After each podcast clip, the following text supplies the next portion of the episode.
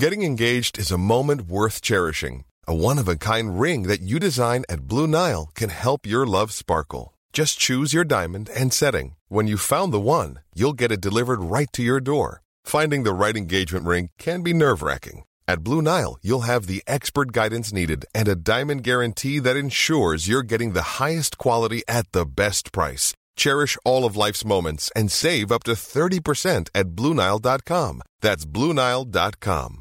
Hey, I'm Ryan Reynolds. At Mint Mobile, we like to do the opposite of what Big Wireless does. They charge you a lot, we charge you a little. So naturally, when they announced they'd be raising their prices due to inflation, we decided to deflate our prices due to not hating you.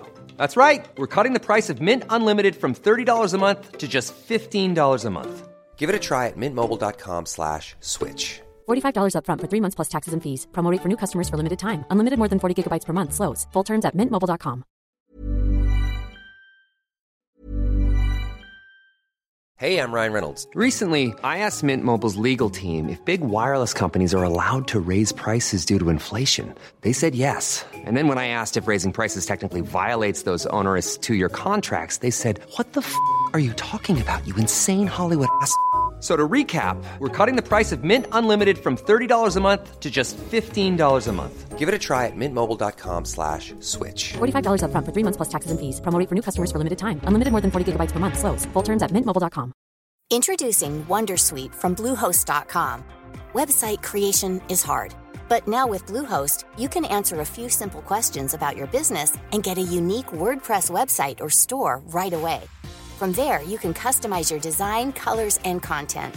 And Bluehost automatically helps you get found in search engines like Google and Bing. From step-by-step guidance to suggested plugins, Bluehost makes WordPress wonderful for everyone. Go to bluehost.com/wondersuite.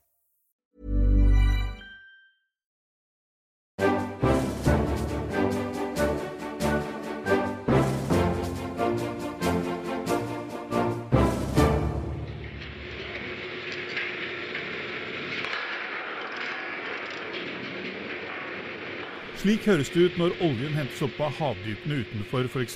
kysten av Norge. På vel ett år har oljeprisen falt med 60% Den er laveste på elleve år. Det har utløst kriser og skapt håp andre steder. I Midtøsten er det full strid mellom de største oljeprodusentene. Organisasjonen av oljeeksporterende land, OPEC, ser ut til å ha gitt opp sin rolle som den som skal skape en stabil oljepris. Mitt navn er Alf Olask, og med meg i studio har jeg professor Dag Harald Klas fra Universitetet i Oslo. God dag. God dag. Og eh, på Skype fra Moskva, som eh, nå har julehelg, har vi med oss eh, Per Anders Johansen, som skal fortelle oss litt grann om hvordan olje, dette oljeprisfallet påvirker det russiske samfunnet. Og god jul, Per Anders. Ja, здравствуйте. Dag Harald Klas, hva er det som gjør at oljeprisen plutselig stuper 60 Ja, altså Siden 2003 så har oljeprisen steget kraftig. Den, med et lite fall under finanskrisen, så har vi i den perioden etterpå hatt en høy oljepris. De har stimulert fram mer olje. Særlig eh, tight oil, eller shale oil i USA, hvor eh, produksjonsveksten har vært eh, veldig kraftig. Vi har fått for mye olje i markedet. Det er tilbudsoverskudd, og det er naturlig at prisen faller. Men når du sier tilbudsoverskudd, eh, er det da bare rett og slett fordi landene utenfor OPEC produserer så mye eh, som de vil, uten å tenke noe på, på balansen i markedet? Ja.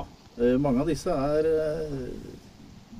profittmaksimerende selskaper. I USA har de ganske fri tilgang til ressursene. Men også land som Norge, hvor vi har konsesjonsreguleringer og statlig styring, så har man økt økt produksjonen. Eh, når man får en sånn høy, høy oljepris. Eh, så det, de, disse, disse aktørene tar ikke noe hensyn til et forsøk på å balansere markedet. Per Anders, vi merker jo oljeprisfallet her i Norge også. Det forsvinner tusenvis av jobber i oljesektoren. Men Russland er et av de landene som eh, virkelig merker dette steintøft. Ikke minst fordi man også har økonomiske sanksjoner rettet eh, mot landet. Hvordan føler man eh, oljeprisfallet i en kald by som Moskva nå? Nei, Russerne følger oljeprisen meget nøye og diskuterer daglig hva det betyr. Før jul, i november, så prøvde jo Putin og statsminister Medvedev å gi inntrykk av at nå var man over krisen som Russland har slitt med det siste, siste året, og at ting nå skulle bli bedre. Medvedev satt og stirret millioner av russere inn i øynene og sa at nå er, nå er vi over det verste. Men så kom da det siste oljeprisfallet, og det viser seg at budsjettet som Putin har planlagt for neste år, baserer seg jo på en oljepris på 50, som det ikke er så mange tro, som tror på nå. Så underskuddet vil stige. og um, den, den, vanlige russer ser for seg at det er hardere tider som venter fortsatt. Men hva, hva, hvordan slår det ut? Er det slik at man da ikke har øh, råd til ting? Mister man velferdsgoder? Uh, er det jobber som forsvinner? Hvordan ser dette ut for mannen i gata i Moskva? Nei, Det vi kanskje glemmer i Norge, er jo at uh, russerne på en måte er litt mindre hardt rammet enn Norge av olje den lave oljeprisen. Fordi eh, når oljeprisen faller eh, som den gjør nå, så svekkes også rubelen. Og russerne har tillatt rubelen å falle. Og Det betyr at den vanlige russer får rett og slett mye høyere priser å slite med. Altså alt blir dyrere. Eh, og, eh, og, det merker de på lommeboken. Det, selvfølgelig det, det forsvinner jobber. Og når du attpåtil har dette sanksjonsregimet som gjør at uh, mange vestlige varer ikke er uh, i markedet, og den lavere konkurransen som følger av det, så merker vanlige russere at det er uh, rett og slett ja, De må snu på rubelen flere ganger. Og veldig mange, de aller fleste, har jo droppet ferier. Man, man, man, snur på, på rubelen. Men i det storpolitiske spillet så er oljeinntektene meget viktige for, for, Russland. Dette er en av grunnene til at russerne kan ruste opp, som de har gjort, ikke minst eh, militært. Står slike store program også i fare? Det som eh, er tilfellet med russisk økonomi, er jo at eh, Putin gjennom de siste 15 årene har eh, ledet landet i en voldsom vekst. Og han har tillatt seg en offentlig pengebruk som eh, få andre verdensledere har kunnet tillate seg. Han har gitt eh, offentlig ansatte kraftig lønnsøkning. Han har eh, latt være å gjøre noe som helst med pensjonsalderen. Altså Kvinner i Russland pensjonerer seg jo på 55 år, og menn har en 60, 61 års pensjonsalder. Og han har i tillegg økt pensjonene. Alt dette gjør jo Putin for å holde seg populær.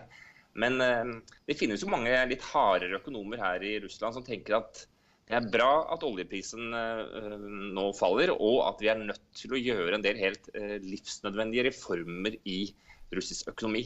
Eh, og sørge for at vi går inn i en ny tid hvor man faktisk utvikler næringslivet og gjør noen av de helt grunnleggende grepene som russisk økonomi må gjøre hvis de skal overleve i fremtiden. F.eks. reformere med privatisering. Faktisk Før jul så begynte man jo selv fra Kremls side å snakke om å selge ut opp mot 20% av landets største oljeselskap, Rosneft. Og det er jo interessant. Hvor lang tid, eh, for å runde av nå før vi skal la deg få lov til å feire jul, eh, Per Anders, men hvor lenge kan russerne egentlig holde ut med en så lav oljepris som vi har nå, altså nede på under 40 dollar fatet? Det er jo det store spørsmålet. Hvor mye tåler russerne? For et år tilbake i tid så var det mange som spådde et sammenbrudd. At, eh, at, Putin ville risikere store opprør, og at, eh, at systemet ville bryte sammen. Jeg, eh, jeg, tror russerne tåler mer enn vi er klar over. De har jo spart opp ressurser. Vanlige russere har iallfall klart seg så langt bra. Det har iallfall ikke blitt de altfor store opptøyene. Jeg tror at det kan gå tid, og dessuten så har eh, Putin store eh, kutt som kan gjøres for å spare eh, de offentlige budsjettene. I år så kuttet man jo lønnen til lærere og leger med 10 eh, uten at det var knapt et eneste demonstrasjonstog. Og det er jo lettere for Putin å drive budsjettkutt i et samfunn hvor det ikke finnes demokrati, hvor det ikke finnes interesseorganisasjoner, hvor det ikke finnes en fri presse. Ok, Per Anders. Da sier vi eh, takk til deg, og så fortsetter vi akkurat i denne tråden, eh, Dag Harald. Eh, fordi eh, vi ser jo nå at denne oljeprisen slår inn i, i de tunge oljelandene. Der forsvant eh, vår mann i, i Moskva. Sjeikene i Saudi-Arabia må nå betale to kroner literen for eh, bensinen eh, for å være med å balansere budsjettet. Kommer vi til å se at dette oljeprisfallet vil utløse politiske reaksjoner og, eh, og opprør rundt forbi? Eh, ja, det, det, kan tenkes. Jeg har ikke noe tro på at vi får det i Saudi-Arabia. Men, eh, men, Hvorfor ikke det? Nei, altså det saudiske Det er fordi eh, kongefamilien har et meget solid grep på det landet. Og de har gjort det ikke bare ved politiske og nærmest autoritære midler, men også med å kjøpe befolkningen. Eh, det er ikke mange saudiere, vanlige, altså etniske saudiere, som lever et dårlig liv. De har en del å gå på. Eh, de må nærmest eh, jekke seg litt ned i middelklassenivået. Så det er ikke den nøden som gjerne fremtvinger, fremtvinger opprør. Opprørene ser vi i land som Indonesia eller sånn, når de store denne type subsidier f.eks. Av, av bensinbruken som du refererer til, når du får det i land hvor folk er fattigere, da, du, da tar de til gatene. Men vi ser jo faktisk eh, to utviklingstrekk i Saudi-Arabia som er interessante. Det ene er disse fundamentalistene som slår uh, ned menneskerettighetsbruddene, som er, er, er enorme. Uh, over 40 mennesker uh, henrettet i nyttårshelgen. Så hadde vi et kommunevalg, eller lokalvalg, i, i, i Saudi-Arabia sent på høsten, hvor altså da kvinner for første gang fikk lov til å, å, stemme. Slik at det er jo en, en, en slags to linjer som, som, går her. Ja, og dette ser du i de andre gulfstatene også. Dette har du også sett i Iran, f.eks ser du at kvinnene har mer, mer, frihet i og for seg enn en, en f.eks. i Saudi-Arabia. Saudi-Arabia eh, eh, det, det, politiske styret i Saudi-Arabia er jo tuftet på en allianse mellom en familie, eh, familien Saud, og de religiøse lederne. I en egentlig ekstremt konservativ sunnimuslimsk retning, wahhabismen. Det er denne alliansen som har styrt landet. Og jeg tror hvis man eh, det, det, gir kongefamilien Når vi kommer i sånne urolige tider, den arabiske våren osv., så, videre, så er det to ting kongefamilien må gjøre. Eh, de må eh, dele ut penger. Og så må de håndtere visse oppmykninger, visse justeringer i forhold til sivile rettigheter og, og slike ting. Samtidig så slår de altså kraftig til og hogger hodet av opposisjonelle. Så det er, eh, det er, et slags, eh, om du vil, kynisk spill, hvor man prøver å fremstå som eh, litt liberal her i kommunevalget. ikke sant? Se på dette. Og, og, og, men også se hva vi gjør med de som virkelig prøver å, å gå mot oss. De, de kapper vi hodene av. Men eh, det ble jo sagt da oljeprisen steg dramatisk til over 100-120-130 dollar fatet, at dette tåler ikke verdensøkonomien. Det tålte den jo. Eh, nå har den da eh, sunket til det laveste på elleve år, og så sier man liksom ja, dette vil utløse en, en masse kriser eh, rundt forbi.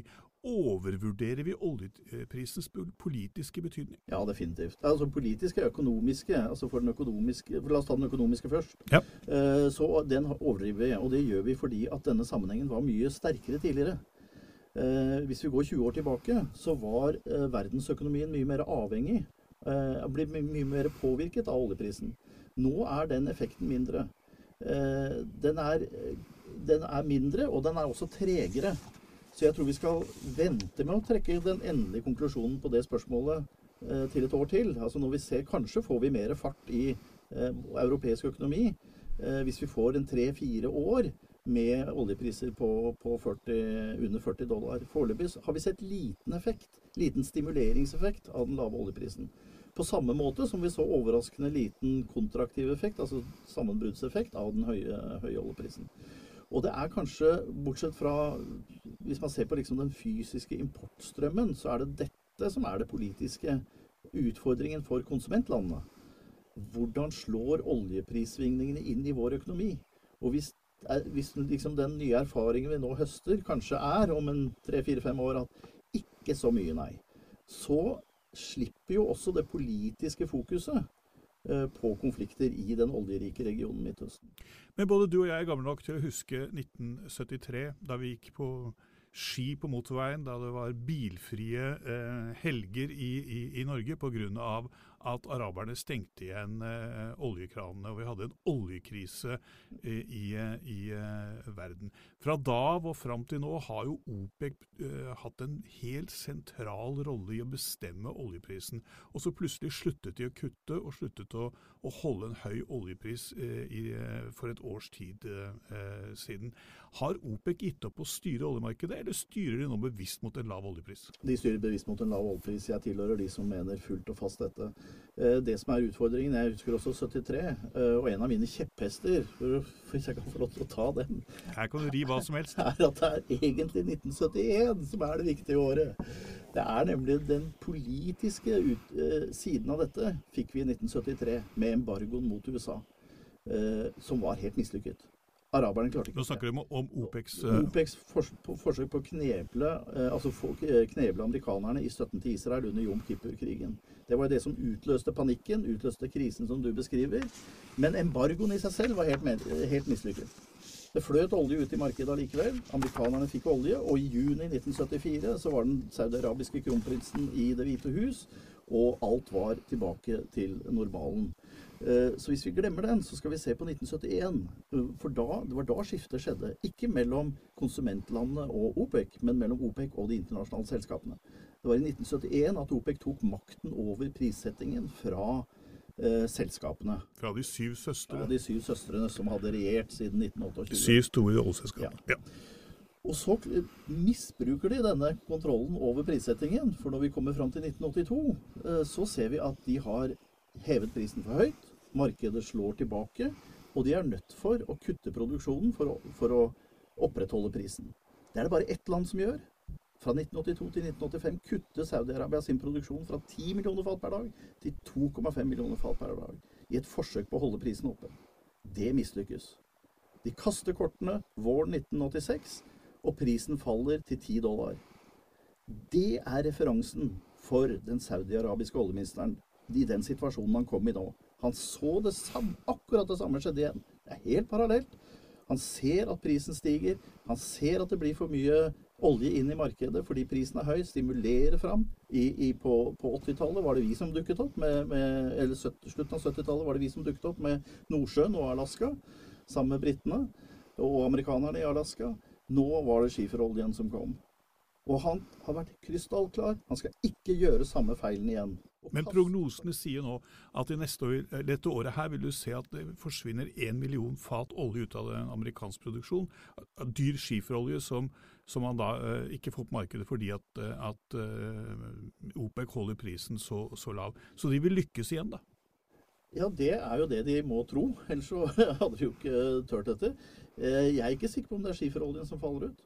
Eh, jeg leste et intervju med en eh, konsulent som reiste rundt i skiferselskapene og sa her har jeg 42 punkter hvor dere kan effektivisere driften.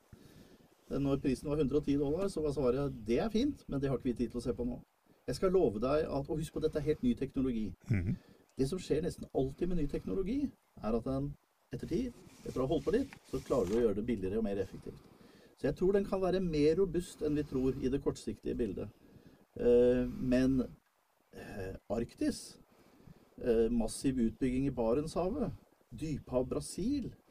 Dette er prosjekter som skal slite med det kostnads, eh, med den pris, prisbildet vi har nå. Når du får en lav pris, så er det også interessant å se hva skjer da på etterspørselssiden. Mm. Er det sånn at pri, altså Økonomene forteller oss jo at når prisen faller, så stiger etterspørselen. Men det er og, og, det ser du altså det ser du hvis, du hvis, du titter på Jeg har tittet på en interessant statistikk. Hvilke biler er det som selges mest av i USA i dag? Ja, det er, det er eh, Ford pickuper, og så er det, er det Chevrolet Silverado. Det er, ikke, det er ikke, akkurat De er, ikke, de er kommet helt ned i 1,4 liter på mila. Eh, så det er klart amerikanske bil, bilister kommer til å bruke mer olje. Men for en del av oss andre og i en del andre sammenhenger så er jo utfordringen at forbrukerne begynner å ikke ønske å bruke oljen. Ikke fordi den er dyr eller billig, men av eh, miljøgrunner. Og, det, hvis, og, og, politiske myndigheter prøver å legge til rette for det. Eh, det Ja, vi subsidierer elbiler i Norge. Tiltag, tiltag, altså Ekstremsubsidier av elbiler i Norge, men også tyske Energivende, som jo subsidierte Det var riktignok da rettet mot uh, i elektrisitetssektoren. Men hvis, hvis dette blir en trend Det skal ikke så mye til før det langsiktige perspektivet blir at det blir ingen vekst i etterspørselen av å holde prisen lav. Det var også det samme som skjedde i 1986, men da av en helt annen grunn. OPEX kjørte prisen, råoljeprisen ned. Det hadde ingen effekt på pumpeprisene i Europa. Hvorfor ikke? Konsumentlandets myndigheter gikk inn og skattla forbruket. Men en annen eh, strategi Dag Harald, det er jo at ikke-OPEC-land samarbeider med OPEC om å kutte produksjon. Norge har jo gjort det eh, noen ganger. Vel, enkelte ganger kuttet vi jo bare i forventet produksjon, så vi slapp å kutte reelt. Men, men oljemarkedet er jo også psykologi. Eh, men eh, hvorfor ser vi ikke at andre oljeland, som Norge, som Russland, som Mexico, som samarbeidet med OPEC tidligere, gjør det nå? Eh, ja, da tror jeg Altså, invitasjonen er jo kommet eh, på et av de siste Både på dette siste og det OPEC-møtet som var før, så var jo presse, på pressekonferansen etterpå så ble det jo sagt hvis noen andre har lyst til å kutte, så hjertelig, hjertelig velkomne til det.